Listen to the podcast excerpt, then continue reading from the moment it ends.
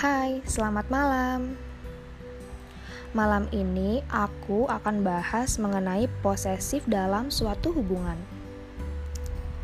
Posesif ya. BTW, posesif itu akan timbul didasari oleh rasa takut kehilangan loh. Iya gak sih? Dalam suatu hubungan, wajar kok diposesifin atau memposesifkan pasangan kalian. Karena ya itu, menyangkut rasa kasih sayang dan rasa takut kehilangan satu sama lain. Tapi jangan berlebihan ya posesifnya. Karena apa?